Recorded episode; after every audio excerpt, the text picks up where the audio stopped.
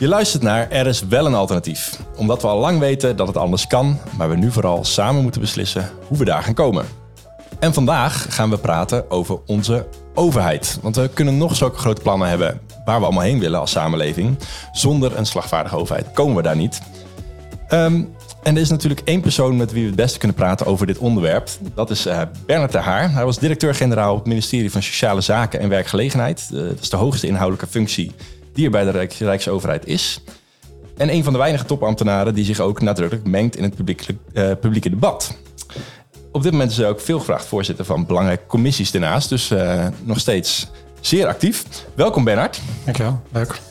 Um, Super fijn dat je er bent. En nou weet ik niet, moeten we zeggen uh, uh, dokter ter haar of mogen we gewoon Bernard zeggen? nou, zeg alsjeblieft gewoon Bernard. Okay. Ja. ja. ik heb meteen een eerste vraag voor jou. Want jij hebt ooit kernfysica gestudeerd, gepromoveerd ook. En toen werd je in 1988 ambtenaar. Hoezo?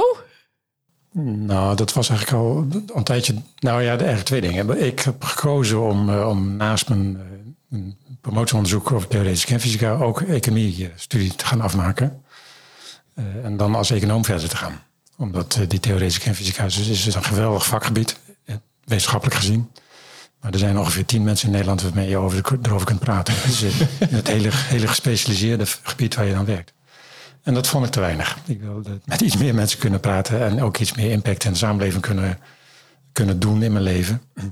En voor de luisteraar die nu denkt, oh wat leuk, deze podcast gaat over kernfysica. Dat is dus niet zo. Want wij zijn niet de twee mensen die daar, uh, die een van die tien zijn, toch? Het zou een heel eenzijdig gesprek worden, ja. ja. En ik ben dus inderdaad als econoom bij de Rijksoverheid gaan werken. Dat was een beetje toeval ook. Maar wel vanuit het idee, dat was maar verteld door een hoogleraar in, in Groningen waar ik gestudeerd heb. Van, nou ja, als je een tijdje bij het ministerie van Financiën kunt werken, dat is altijd goed voor je cv. Dus uh, probeer dat voor een paar jaar. Uh, nou, dat lukte. overigens in een arbeidsmarkt die, die heel erg moeilijk was. Hè. Dus ik was een van de 80 brieven of zo op één, één vacature. Maar goed, het is gelukt. En um, in plaats van drie jaar heb ik er 21 jaar gezeten. Kijk. En toen je, toen je je brief schreef, je, was het ook van ik, ik, ik ga in publieke dienst of ik word ambtenaar? Welk weet jij nog wat, wat voor gedachten je daarbij had? Nee, die gedachte ging niet veel verder dan dat is wel goed voor uh, om eens te kijken wat je eigenlijk wil in de wereld. Ik had al een paar sollicitaties lopen bij een universiteit. Uh, als wetenschappelijk medewerker, als econoom. En daar was ik heel veel van terug. Van ja, echt als wetenschap is gewoon natuurlijk veel leuker dan economie. Dus als je iets met economie wil, dan moet je een andere plek vinden om aan het werk te gaan en niet, uh, niet in, aan de universiteit gaan zitten. Dus, uh, dus nou, toen lag dus het, het Rijk wel voor de hand. en ik was al sinds jaar en dag geïnteresseerd in, in politiek en en besturen en dat soort dingen. Dus dat, dus dat lag wel, in die zin lag het wel voor de hand. Maar kiezen voor het openbaar bestuur, nou, zo, zo, zo erg was het niet. Dat is toch echt pas later gekomen. Kijk, nou, ik, ik, eh, een van de dingen die, uh, waar we het heel graag met jou over wilden hebben, is uh, hoe het nou gaat met de overheid. wij vonden een, een blog van de, de, de dienst, de publieke dienst van Algemene Zaken. En die zei, een paar jaar terug, of twee, drie jaar terug, en die zei: ja, de overheid staat op de drempel van een burn-out. De Rijksoverheid. En dat is een zin die, die indruk op ons heeft gemaakt. Ja. Uh, en nou, aan jou de vraag, ook met jouw lange carrière en nog steeds in publieke dienst. Hoe gaat het nu met de Rijksoverheid? Ja, nou niet heel goed, denk ik. Ehm, ik heb zelf ook een blog, dus bernardhaar.nl. En daarin eh, ook een keer een blog geschreven over de Nederlandse overheid heeft deze eeuw nog niks substantieels tot stand gebracht. Nou, zeker, zeker. Dat heeft ook veel, uh, veel aandacht gekregen. Uh, en ik roep al sinds jaren en dag dat we ja, alle publieke diensten, zeg maar, ja, toch verwaarloosd hebben. Dat we nu kampen met een behoorlijk achterstallig onderhoud. Wat zich dan vertaalt in de ene crisis en de andere crisis. Maar het is gewoon heel veel, heel veel achterstallig onderhoud op dit moment. Kan je dat voor wat concreter maken? Want niet iedereen heeft jouw blog gelezen. Nou ja, uh, kijk Hierna wel natuurlijk. Ja, zeker. Kijk, kijk naar van alles wat we op dit moment crisis noemen. Hè. De, de wooncrisis of de, de stikstofcrisis of de, uh, het onderwijs, kwaliteit die achteruit loopt. Uh, het, op, ja, dus het openbaar vervoer waar te weinig geïnvesteerd wordt, maar het wegvervoer wat de ene file naar de andere. wegen en bruggen die gebrekkig onderhoud hebben. Echt in de, in de volle breedte van alles wat je aan de overheid zou willen toerekenen. Het zorgstelsel wat, wat op kraken staat. zie je zie je het, dit verschijnsel dat ja, we, we hebben achterstanden. Je hebt je dan over de, over de overheid als in ehm, echt alle publieke diensten. Uit, uit die burn-out zich dan ook echt in alle lagen van de overheid? Want jij hebt dan bij het ministerie bijvoorbeeld eh, heel lang gewerkt. Zie je het daar ook terug? Of is het, zit het meer aan de uitvoerende kant, aan hoeveel geld er uiteindelijk letterlijk naar het bouwen van woningen gaat? Uh, het, het, zit heel erg op, ook op, op de verbindenis zeg maar, tussen beleid en uitvoering. Hè. Dus, dus het begint natuurlijk wel gewoon bij het beleid wat, wat zich onvoldoende richt op die uitvoering.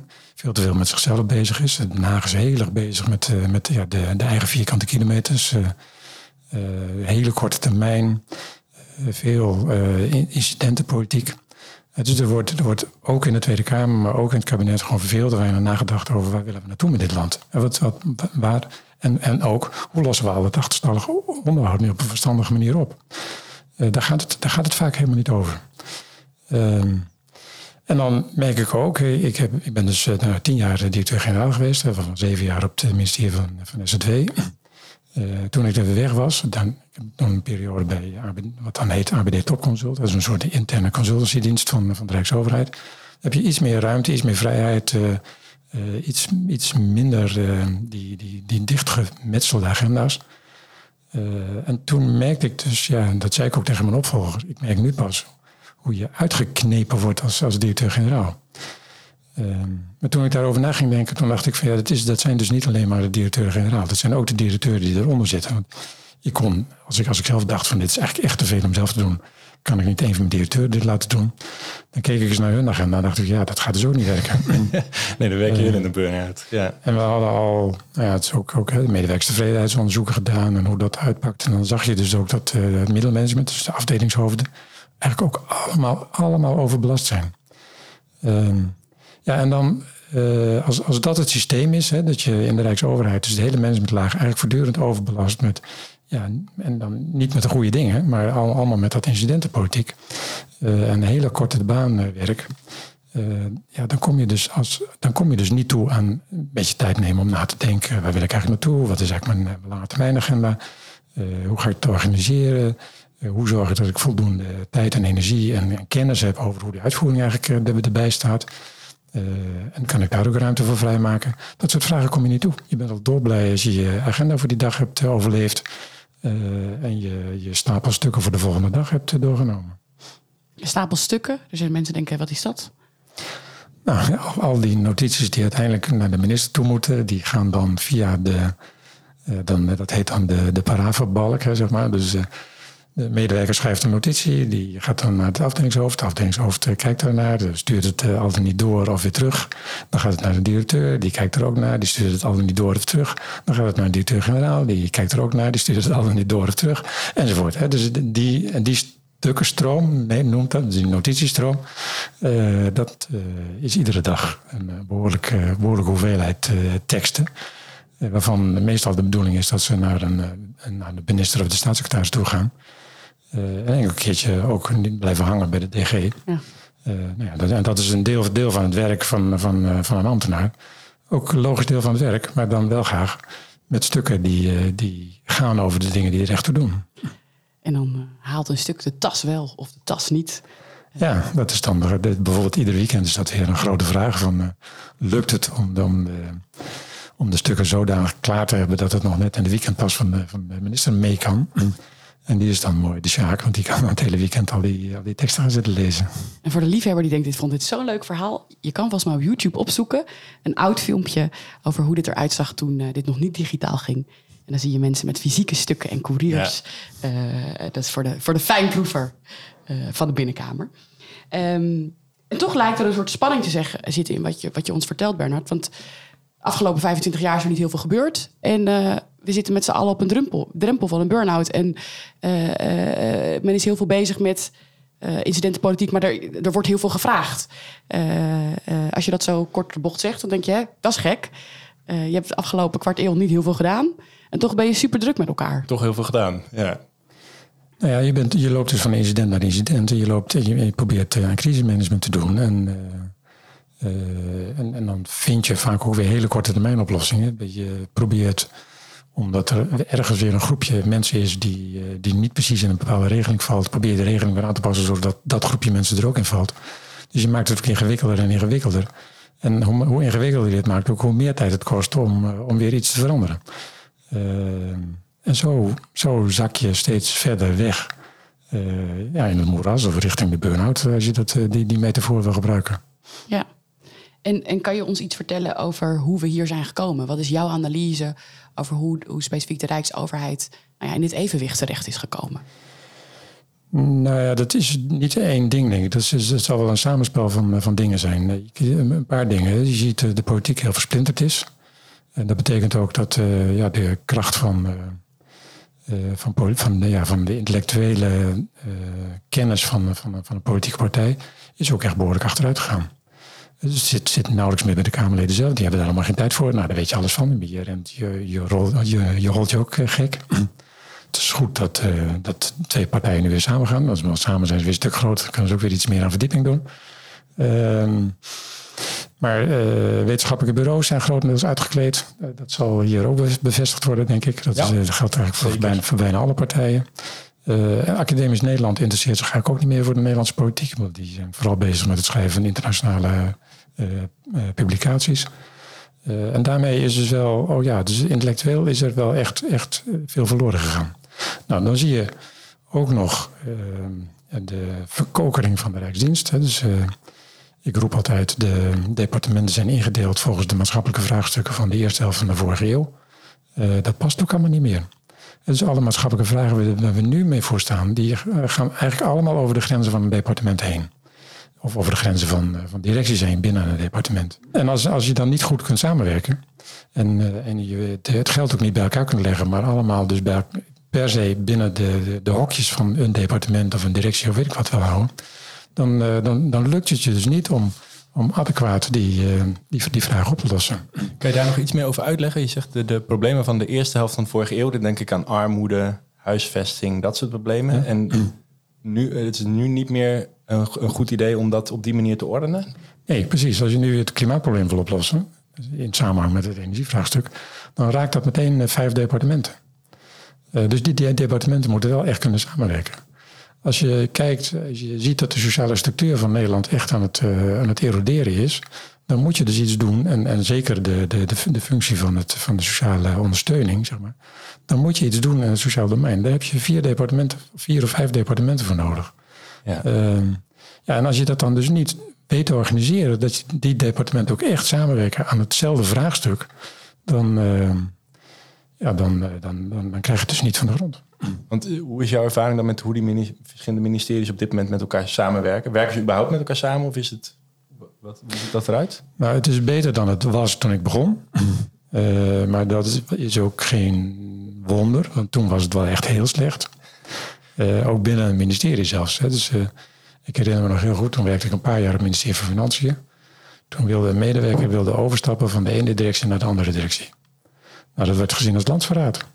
Dus de directeur was heel boos en smeet de deur met een klap achter hem dicht toen hij, toen hij aankondigde dat hij graag wilde vertrekken. Wow. nou, die tijd zijn we gelukkig kwijt. dus er wordt uh, wel meer geprobeerd samen te werken, maar het is allemaal ontzettend stroperig. Uh, dus het kost heel veel tijd. En, uh, en als het een beetje als, en als het krap wordt, hè, zeg maar, dan, ja, dan, dan zeg je van hey, sorry, ik heb nu even geen tijd voor samenwerken, want ik kom al niet aan mijn eigen werk toe.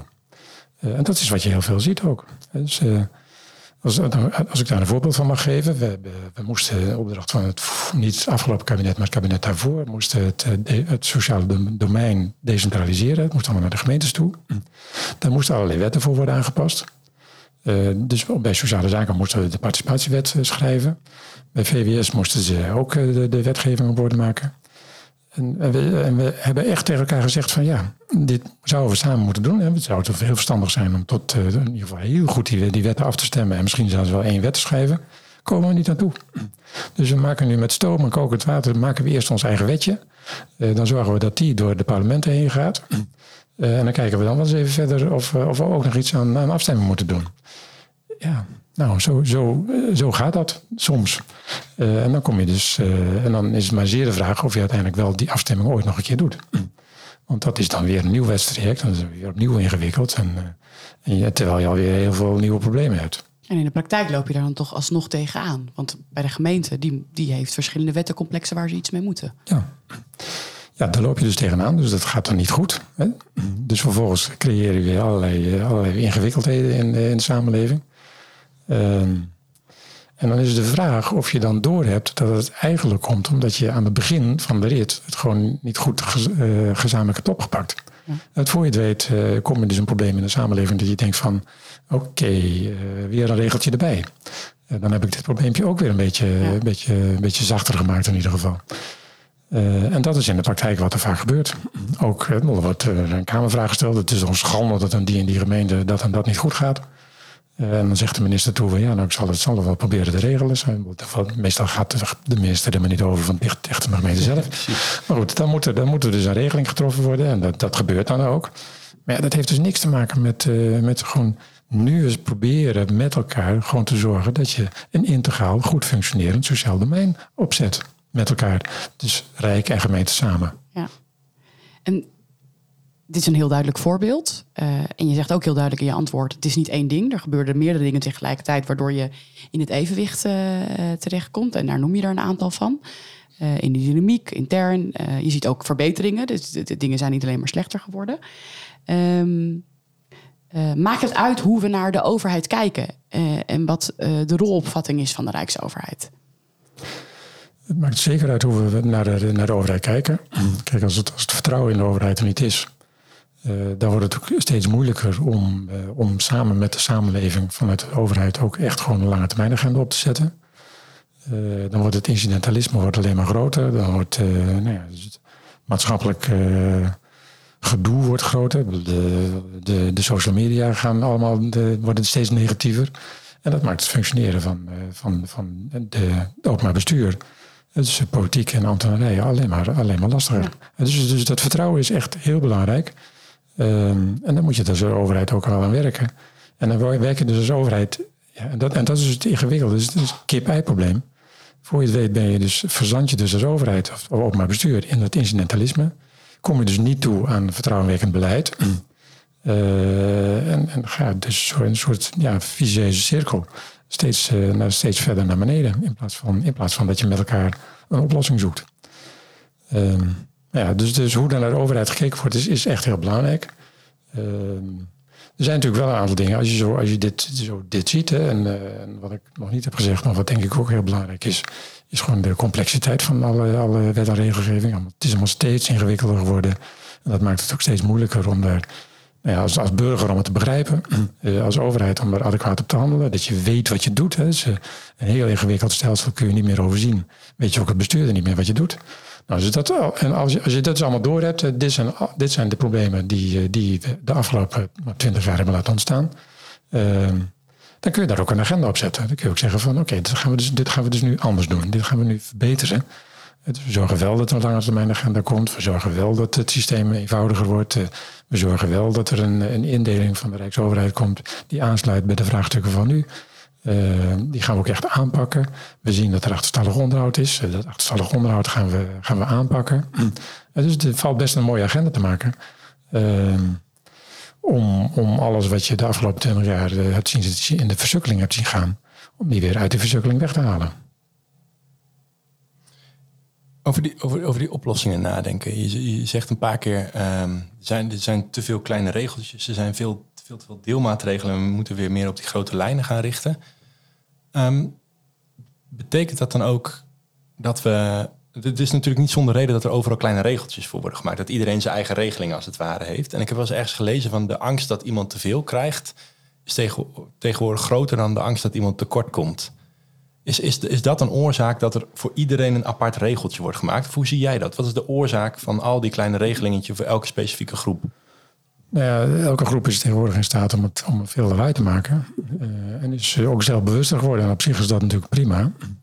Uh, maar we hebben dus niet goed afgebakend waar de overheid dan wel en waar de overheid dan niet van is. We zijn toch naar een soort compensatiesamenleving gegaan, waarbij alles wat er in de wereld kan gebeuren, alle risico's die uiteindelijk ook echt zich voordoen, allemaal door de overheid zouden moeten worden gecompenseerd. Ja, daar is, is de overheid niet voor bedoeld. En ik denk dus ook dat het verstandig is om, om als overheid weer terug te gaan naar ja, waar, je, waar je echt voor bent. Uh, en, je, en, en, dat ook centraal zet. En dan, en dan dus ja, dan worden de regelingen misschien wat grofmaziger. Dan, dan, dan, dan zal iemand ook wel gewoon toch een keer uh, niet voor 100% worden, worden gecompenseerd door de overheid. Uh, maar weet dat, weet dat van tevoren dan ook waarschijnlijk veel beter. Dus kan ze het dan zelf ook misschien wel beter redden. Ik vind het wel interessant ook over, die compensatiesamenleving. Want ik zie daar een soort paradox. Uh, dit is mijn mening. uh, nee, omdat je aan de ene kant het niet eens wordt over welke risico's je bij wie neerlegt. Dus in de structuren. Denk aan sociale zekerheid. Denk aan uh, eigenlijk heel veel beleidsterreinen. Wat is nou het risico wat je vraagt burgers zelf te dragen?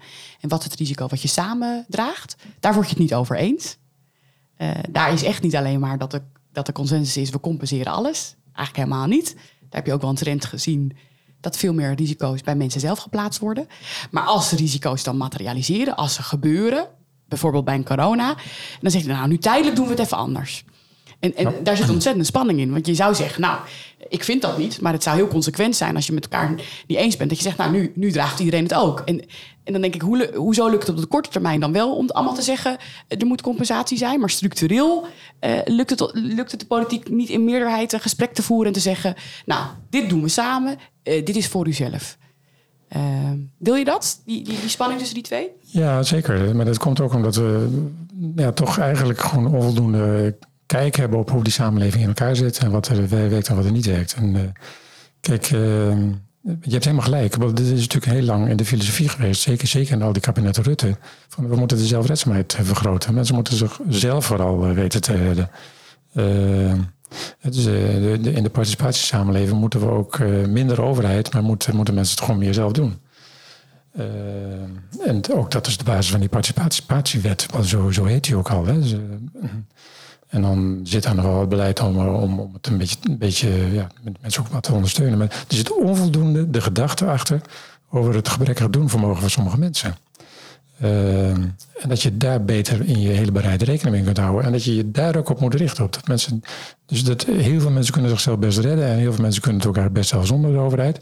Maar we hebben de overheid niet voor niks. Dus die, die is er juist voor die mensen die wel niet zonder een klein duwtje in de rug gewoon die zelfredzaamheid kunnen, kunnen doen. Uh, en, en, iedereen wil wel dolgraag op eigen benen kunnen staan. Als, als, als het je niet lukt, kijk, daar moet de overheid voor zijn. En dat, is, dat deed de overheid dus echt, echt onvoldoende in het, in het hele sociale domein. Hè. Dus uh, was veel te veel de gedachte van uh, mensen moeten zich eigenlijk zelf redden. En de mensen die dan toch bij ons komen aankloppen, die deugen eigenlijk niet.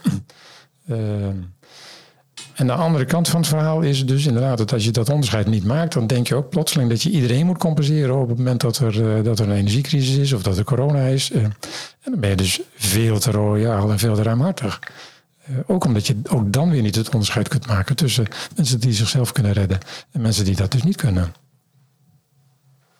Om het concreet te maken, je hebt het over bepaalde groepen hebben gewoon een duwtje in de rug nodig en we moeten daar een basis leggen. Um, waar denk je dan aan voor de luisteraar? Waar moet, waar moet, je dan aan denken qua voorzieningen? Ja, als mensen zich uh, dus, dus niet zelf kunnen redden, omdat ze er gewoon ja, niet, niet taal, taalvaardig genoeg zijn of uh, geen stukken, niet al die ingewikkelde stukken kunnen lezen of, enzovoort, dan moet je ze daarbij helpen. En dan moet je dus ook zorgen dat er een loket is waar dat soort mensen naartoe kunnen. Ehm, nou, de, we hebben 2 of 3 miljoen digibeten in Nederland. Uh, ja, dan kun je het hele sociale, de, de, toegang tot het sociale stelsel kun je wel helemaal, helemaal digitaal maken. Maar dan weet je bijna zeker dat je dus heel veel mensen dan ja, uh, het, het moeras hebt gestuurd. Ja. Nou, die mensen, daar, daar moet een loket voor zijn. Ja. Uh, en als dat er dus niet is, dan, uh, dan moet je je daarop richten. En vanuit het besef van er zijn mensen hè, dus die onvoldoende taalvaardig zijn, die, die nauwelijks een, een, goede, goede tekst kunnen, die, die zeker niet die ingewikkelde teksten die wij als overheid produceren, kunnen lezen. Um, die daardoor in het systeem vastlopen. En ik moet zorgen dat ik juist die mensen mee oppak. En, en, en, en gewoon net die, zoveel, zoveel inzicht geven in hoe het systeem werkt. Dat ze het systeem ook kunnen gebruiken om uiteindelijk weer op eigen, in ieder geval zoveel, zoveel mogelijk op eigen kracht verder te kunnen. Ja. Het klinkt allemaal best wel logisch. En als je de, de, elementen van de analyse, dus ook er is niet één ding waardoor we in dit evenwicht terecht zijn gekomen. Dat is niet de schuld van één iemand of dat is een interactie tussen allemaal verschillende factoren. Er zijn heel veel dingen tegelijkertijd gebeurd. Dat, dat, en daar heb je een paar dingen van geraakt. Uh, hoe de overheid zelf werkt, de, de, de organisatie van ambtenarij, de politiek. Nou, ik kan me voorstellen dat je zegt, de digitalisering speelt daar een rol in. heel veel dingen die tegelijkertijd gebeuren over een langere periode. Ehm, en we zien, nou ja, vergelijkbare analyses zie je op heel veel plekken van heel veel verschillende mensen die ook bijvoorbeeld heel veel verschillende politieke meningen hebben of anders in het leven staan. Die, die, die pikken er dezelfde elementen uit. Je ziet het ook in in internationale literatuur, als mensen over Nederland schrijven, dat ze dan zeggen, nou, dit, dit is een trend die we, die, die we zien in het openbaar bestuur in Nederland. En toch voelt het een beetje alsof het ons overkomen is. Uh, dus heel lang hoor je het niet. En dan in een korte periode uh, zeggen meerdere mensen tegelijkertijd: hé, hey, dit is er nu aan de hand. Hoe, hoe kan dat? Jij, jij loopt een lange rond uh, in de publieke dienst. zijn we met z'n allen op een, wat was het woord ook alweer? uh, een, het Nederland, de Nederlandse versie van een epiphanie.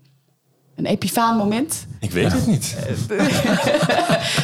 het, moment, het moment van uh, ja, de, de, de, vorige premier die, uh, die bedacht dat het misschien verstandig was om op te stappen. Ja, ja die had een... een epifaan moment ja. geloof ik. was het, was het, was het zo'n soort moment? Is het, hebben we iets gemist? dus toch nog even een terugblik voordat we naar de vooruit blik gaan? Nou, twee dingen. Kijk, eh, de, afgelopen premier heeft het gewoon ontkend. Gewoon altijd voortdurend. Uh, dus niet willen, niet willen zien dat dit aan de hand is. Ehm, en dus, dus kabinetsbreed is het eigenlijk niet opgepakt. De verschillende coalities hebben, hebben hier echt onvoldoende aan gedaan. Dus dat is aan de politieke kant is dat één ding. En de ambtenarij, uh, ja, dat is ook al een stokpaardje van, van de laatste De ambtenarij is de enige grote organisatie die niet gemanaged wordt. Het is geen management van Rijksdienst. Dus dat is allemaal verkokerd naar die departementen. Dus elk, elk departement heeft zijn eigen SG, een eigen bestuursaad met, met de DG's erin. Maar er is niet overkoepelend uh, een, een, ja, een groepje mensen die zeg maar wij zijn besturen van de Rijksdienst. En wij kunnen zorgen dat die Rijksdienst in zijn totaal gewoon de goede kant op gaat. En in totaal dus ook de goede, de goede uh, vraagstukken oppakt. Daar de goede organisatievorm bij kiest. En dat ook werkelijk, uh, werkelijk oppakt. Dus dat bestaat gewoon niet. Uh, en die combinatie is wel vrij dodelijk. Dat is best helder. Ja, al, denk ik wel, als leek zou ik denken, hè, maar dat is dan toch het kabinet. Die kunnen dan toch die coördinerende rol spelen? Het kabinet heeft zich de afgelopen periode eigenlijk niet, of niet met de Rijksdienst bemoeid. Uh, en ik weet ook niet wie, ja, het zou de minister van Binnenlandse Zaken moeten zijn. Nou, ook de ministers van Binnenlandse Zaken de afgelopen periodes hebben zich nooit met het functioneren van de Rijksdienst echt, echt fundamenteel bezig gehouden. Um, dus het kabinet is bezig met, eh, met, met politiek dingen, met, eh, met hun eigen eh, agenda's. En, en laten dus het, het gebeuren van de, de, het functioneren van de Rijksdienst en alles wat eronder zit, laten ze dus echt gewoon aan, aan de ambtenaren over. En dus in de verkokerde structuur waarin die nu zit. Interessant zeg. Nou, staan we dus nog steeds op die drempel uh, van een burn-out. Diepe zucht. We hebben uh, wat, wat, wat rijkere analyse met... Uh, er is niet één ding. Er zijn meerdere dingen tegelijkertijd aan de hand. ik denk dat de, we zitten nu met elkaar in een heel klein hokje... van het wetenschappelijk bureau een heel klein hokje. Een heel klein hokje, het is heel gezellig. Ehm, maar er zijn nu heel veel plekjes waar, uh, waar mensen aan het nadenken zijn. Bijvoorbeeld bij politieke partijen. Wat zijn de opgaves voor het land? Waar willen dat heen gaat en wat is nodig? Uh, mijn indruk is dat die ambities best groot zijn. Uh, dat heel veel verschillende nou, politieke richtingen allemaal ambities hebben voor het land. dat er weinig mensen zijn die zeggen, nou, er hoeft helemaal niks te gebeuren. Ja. en hoe verhoudt dat zich tot nou ja, die situatie die we net ook een beetje schetsten? Uh, en dat is eigenlijk de vraag aan jou, uh, Bernard. We staan nu hier, uh, maar wat voor overheid hebben we nodig en welke stappen moeten we zetten om, om daar te komen? Terwijl je in de tussentijd ook niet niks gaat doen. Ja, nou ja, het, het, zou heel prettig zijn om wel met elkaar gewoon een soort lange termijn agenda te maken. Dus, en eerlijk, maar goed, ja, heel eerlijk gezegd, ik was er dus bij de formatie van het kabinet wat dus nu net weg is. Uh, was ik ervan overtuigd dat ze ook die langetermijn op zouden moeten pakken. Dat kon niet anders. Hè. Dus de, vra de, vragen lagen zo evident op tafel. Klimaat, stikstof, wonen uh, en onderwijs. Dus dat onvermijdelijk, onvermijdelijk moest er een regeerakkoord komen waar die lange termijn ook echt een plek kreeg. Nou, dat gebeurde half. Hè. Dus uiteindelijk zijn er een aantal fondsen opgericht om, uh, om, om, geld te, vrij te kunnen maken voor die problemen. Sorry, ik je onderbreek, uh, uh, Bernard. De, de, de secretarissen-generaals, dat zijn de, de, hoogste baas van de ministeries, die hadden ook een, een brief geschreven tijdens de formatie aan, aan de partijen die daar zaten. En die zeiden, dat, dat was best wel duidelijke taal, ga nou vanuit die opgave werken. Dat was een opdracht die meegegeven werd. Dat was een best wel richtinggevende uh, uitspraak. En er is altijd zo'n brief uh, die, die vanuit SG's uh, naar de politiek gaat. Maar dit keer was hij wel nog duidelijker in de taal over dit is wat heel erg nodig is. Ja, zei het dat de strekking van. Ja, dus, de, dus formuleerde opgaves, dan werd er niet bij gezegd welke opgaves. Hè, dus, dat, dus dat had wel wat concreter gekund. en het was vooral bedoeld om, om de boodschap af te geven. Uh, probeer het niet zelf al te veel dicht te timmeren met allerlei instrumentjes en maatregeltjes. Uh, want die kunnen wij beter verzinnen dan jullie aan die informatietafel. Dus dat was eigenlijk de belangrijkste boodschap. En in diezelfde brief stond ook de boodschap van. Uh, en, en, probeer vooral niks te doen aan Rijksdienst, want dat, dat loopt eigenlijk best goed en, en daar zijn wij van. dus, daar, dus daar ook wel een stukje ontkenning over. Dat ook die Rijksdienst gewoon toch echt een keer ja, toch vrij fundamenteel aangepakt moet worden. Maar goed, er zat wel ook, wel ook die beweging in van we moeten, we moeten meer naar de lange termijn kijken. Um, maar helaas is dat dus opgepakt met, met wel veel geld in, in fondsen stoppen. Uh, die overigens niet bestaan. Hè. Dat zijn allemaal boekhoudkundige constructies.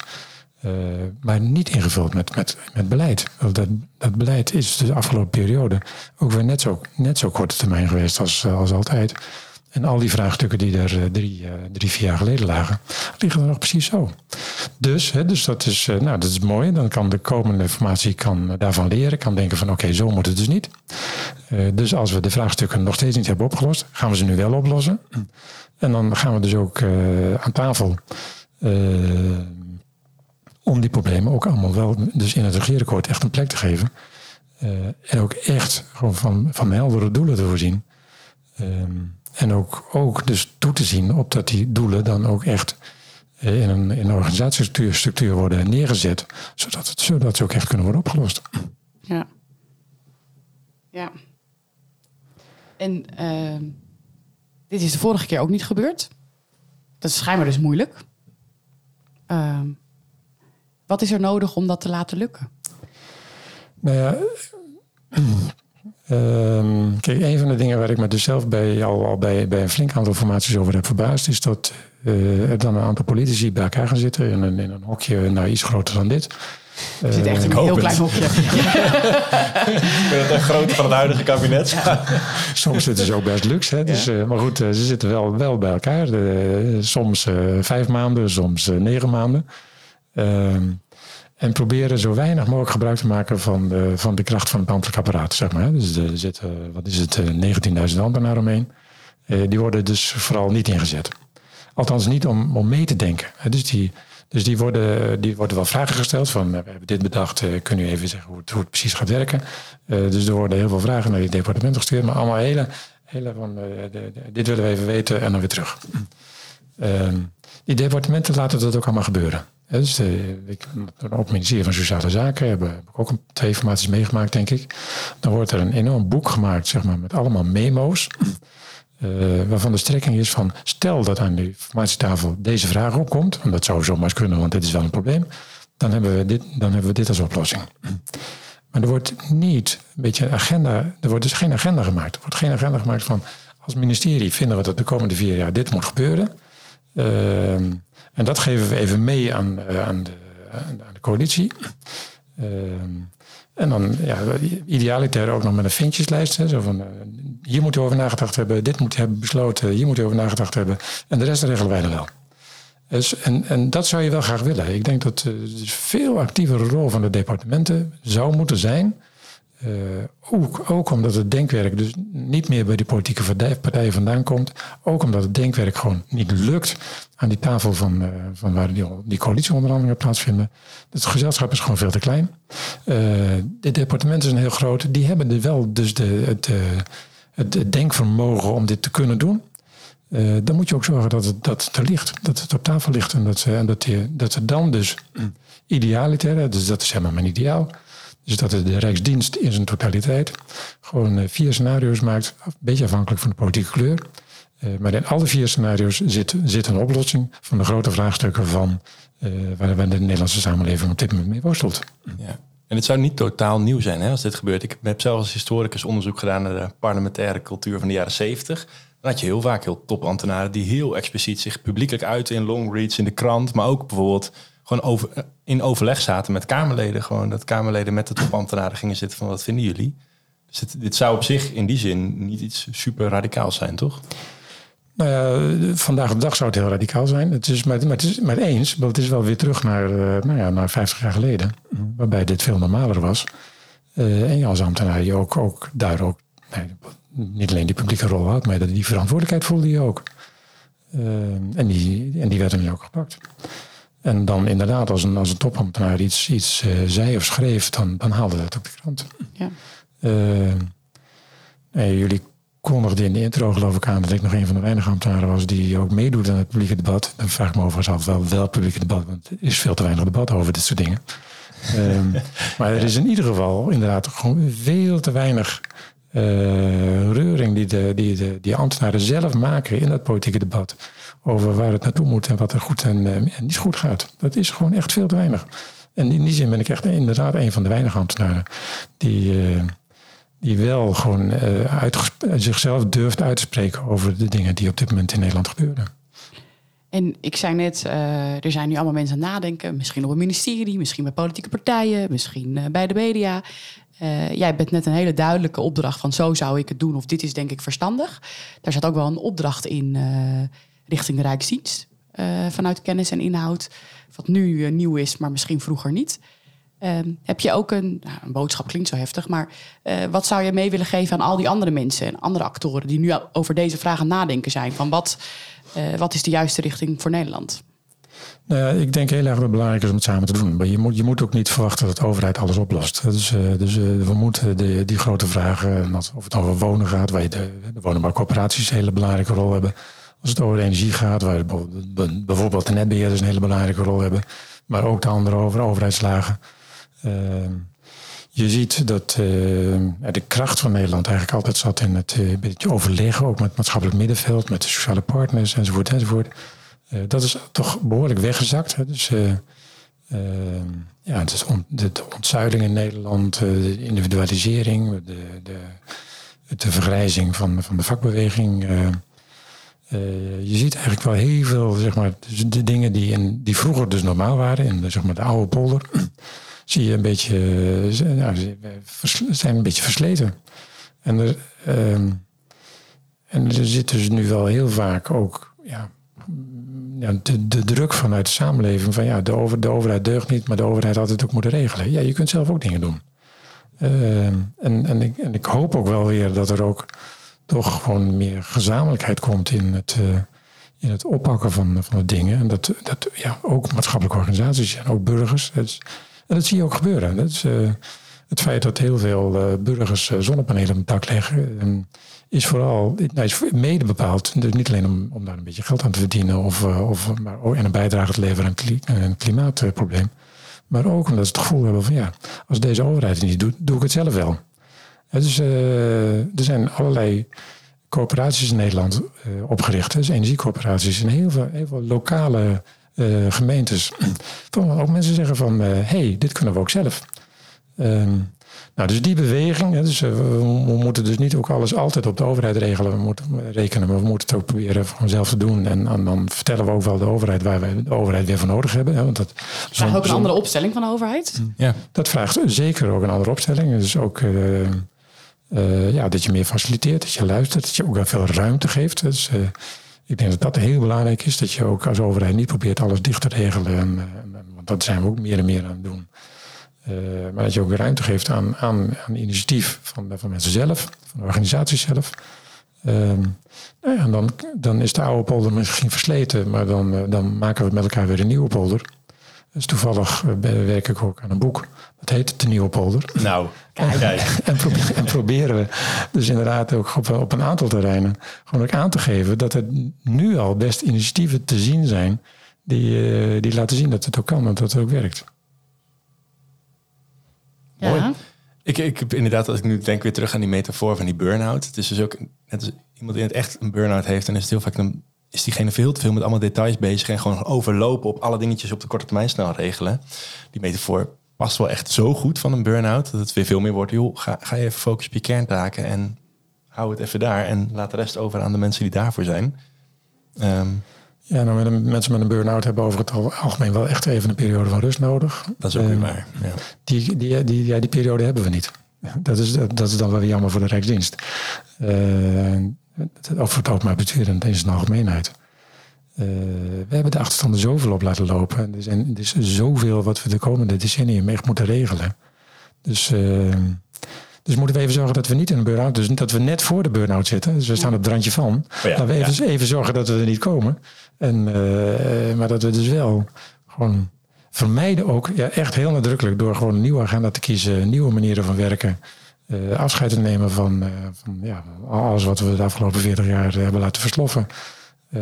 En gewoon met die nieuwe energie ook gewoon vermijden dat we in een burn-out terechtkomen. En voordat we naar de laatste vraag gaan, die gaat Hans jou stellen, um, ben ik wel benieuwd. In 88 meldde je je als, als ambtenaar, als carrière stap. Ehm, als je ons gesprek vandaag een beetje luistert, dan, dan denk je, ja, we hebben gewoon uh, eigenlijk uh, iedereen nodig daar in die publieke dienst. Eh, stel voor, er zit iemand die is net afgestudeerd of die twijfelt, iemand een carrière stap. Waarom zouden zij zich nu moeten melden om aan de slag te gaan eh, bij de overheid?